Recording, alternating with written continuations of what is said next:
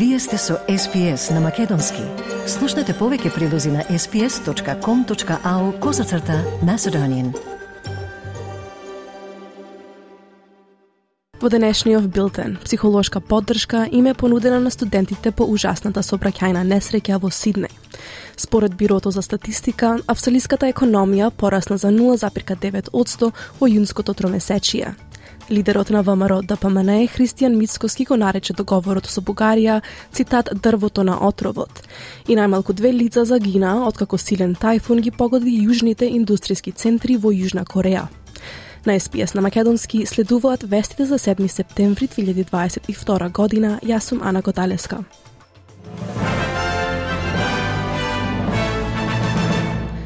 На учениците и наставниците во средното училиште во југозападниот дел на Сиднеј ќе им биде понудено психолошко советување по смртта на пет нивни соученици во ужасна несреќа со автомобил во близина на Бакстен.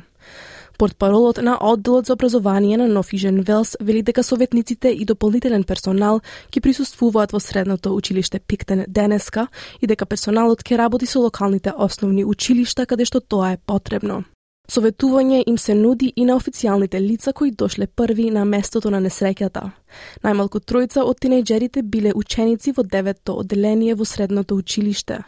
Управникот од службата за пожари и спасување на Нофижен Велс, Адам Дамброу, вели дека персоналот кој бил на местото на несреќата може би знаел некои од жртвите. It's one of the most important things to Fire Rescue New South Wales is the well-being and welfare of our firefighters, particularly after these types of incidents. In communities like Picton and Buxton, our firefighters and other emergency services often live in the community that they're responding to. So we're conscious of that and we'll be providing all the support we can and need to Австралиското биро за статистика ги објави најновите бројки за економскиот раст на земјата за јунското тромесечие, покривајќи го периодот во кој се појави нов бран на COVID-19 и две зголемувања на каматните стапки.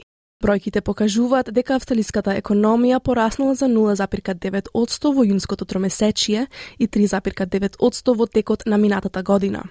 Ова следи порастот од 0,7% во март. Континуираниот раст беше подпомогнат од отворените домашни и меѓународни граници, изјавија од Бирото за статистика.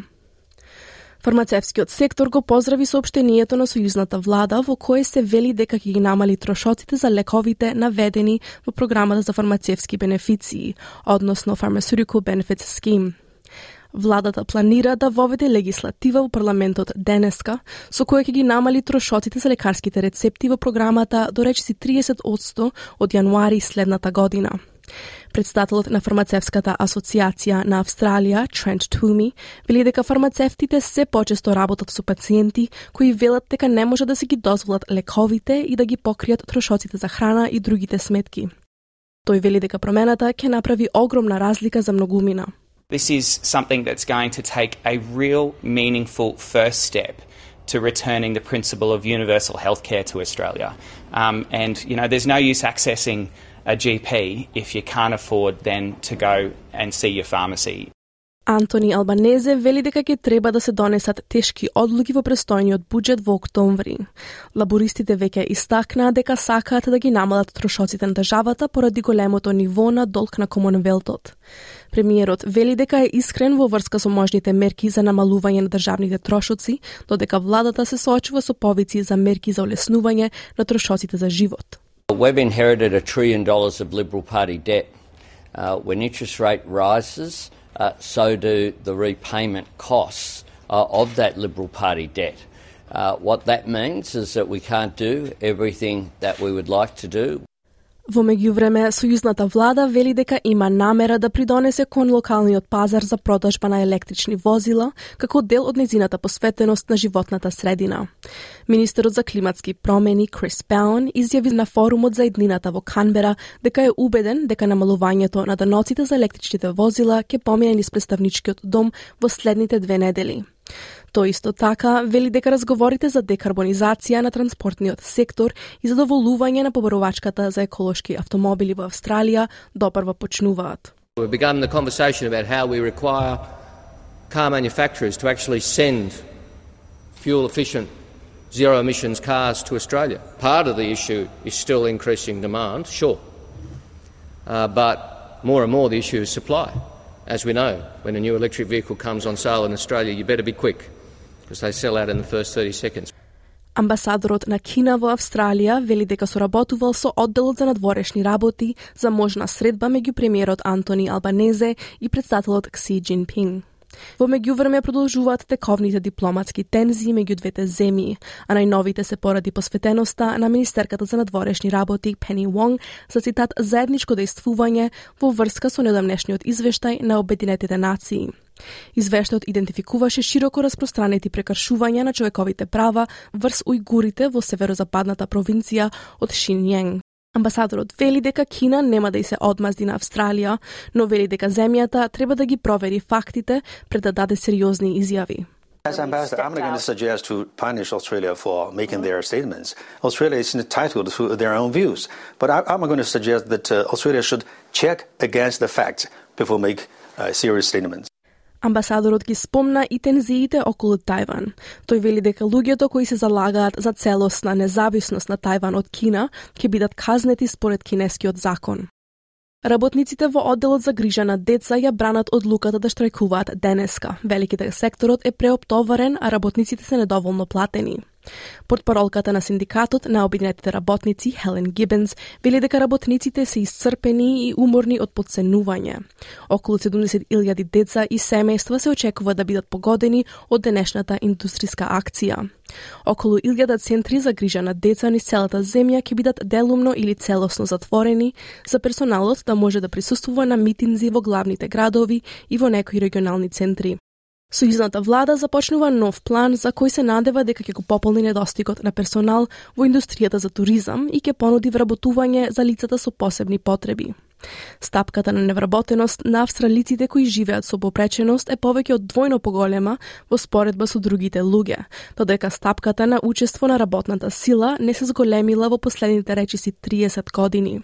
Сојузната министерка за социјални услуги Аманда Ришворт изјави за SPS дека е време Австралија да ги вклучи лицата со попречености. I'd like to see, uh, to be honest, workplaces that are just more inclusive for everyone. I think one of the key messages that has come from people living with a disability is they don't want to feel like a burden or they've got to ask for special treatment at a, workplace. So I would really like to be partnering with business um, and, and government and the public service and institutions Лидерот на македонската опозицијска ВМРО да ДПМН рече дека договорот со Бугарија е цитат дрвото на отровот и треба да се напушти и да се пресече. На брифинг со новинарите, Христијан Мицкоски рече дека се додека не се напушти договорот со Бугарија, неговата партија нема да подржи уставни измени. Иницијативата за референдумското изјаснување од страна на ВМРО со прашањето дали сте за напуштање на важноста на законот за ратификација на договорот за пријателство, добрососедство и соработка меѓу Република Македонија и Република Бугарија, Мицкоски го смета како цитат најголемиот тест за македонскиот народ во поновата историја. Дарко Каевски, портпаролот на СДСМ, рече дека откако пропадна сите обиди на Мицкоски за дестабилизација на државата, тој измислува нови форми за нови блокади. Иницијативата за референдумското изјаснување не најде на поддршка и од албанските партии, не само од власта, туку и од опозицијата, оценувајќи ја одлуката како цитат деструктивна. Најмалку две лица загина, откако силен тајфун ги погоди јужните индустријски центри на Јужна Кореја. Десет други се исчезнати, а илјадници луѓе се раселени поради тајфунот Хинам Нор, кој сега го напушти корејскиот полуостров, откако ги погоди југо-источните градови Похенг, Кујонгњу и Олсан со силен ветер и силен дошт. Бројот на жртвите може да се зголеми, додека спасувачките операции продолжуваат, а тајфунот се ближи до островот Хокајдо во Јапонија. Бурата моментално се движи североисточно преку Јапонското море. Лиз Трас беше официјално назначена како новата премиерка на Британија од страна на кралицата Елизабета на состанок во имотот на монархот Балморал во Шкотска. 47 годишната, која предходно беше министерката за надворешни работи, ја доби позицијата откако доби повеќе гласови од колегата Риши Сунак од конзервативната партија за да стане партиски лидер, а со тоа и премиер. Госпогица Трас го замени Борис Джонсон, станувајќи четвртиот премиер од конзервативната партија во последните шест години. Во своето проштално обраќање, господин Джонсон рече дека неговата влада постигнала многу за земјата, вклучително и во однос на безбедноста, подобрувањето на здравствените услуги и намалување на невработеноста. We're delivering on those huge manifesto commitments, making streets safer, neighborhood crime down 38% in the last three years, 13,790 more police on the streets, building more hospitals, and yes, we will have 50,000 more nurses by the end of the decade, and 40 more hospitals by the end of 50,000 nurses by the end of this parliament, I should say.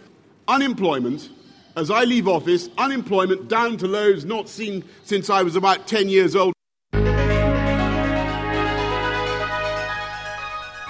Од најновата курсна листа денеска еден австралиски долар се менува за 0,68 евра, 0,67 американски долари и 41,80 македонски денари, додека еден американски долар се менува за 61,53 македонски денари, а едно евро за 60,5 македонски денари.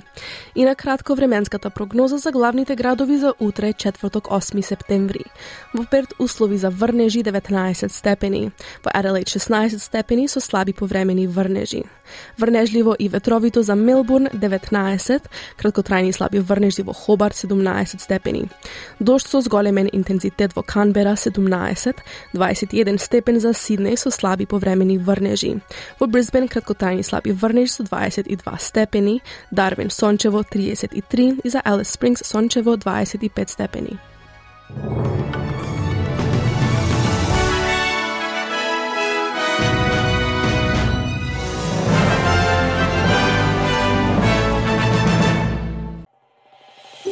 Сакате ли да чуете повеќе прилози како овој? Слушате подкаст преку Apple Podcasts, Google Podcasts, Spotify или од каде и да ги добивате вашите подкасти.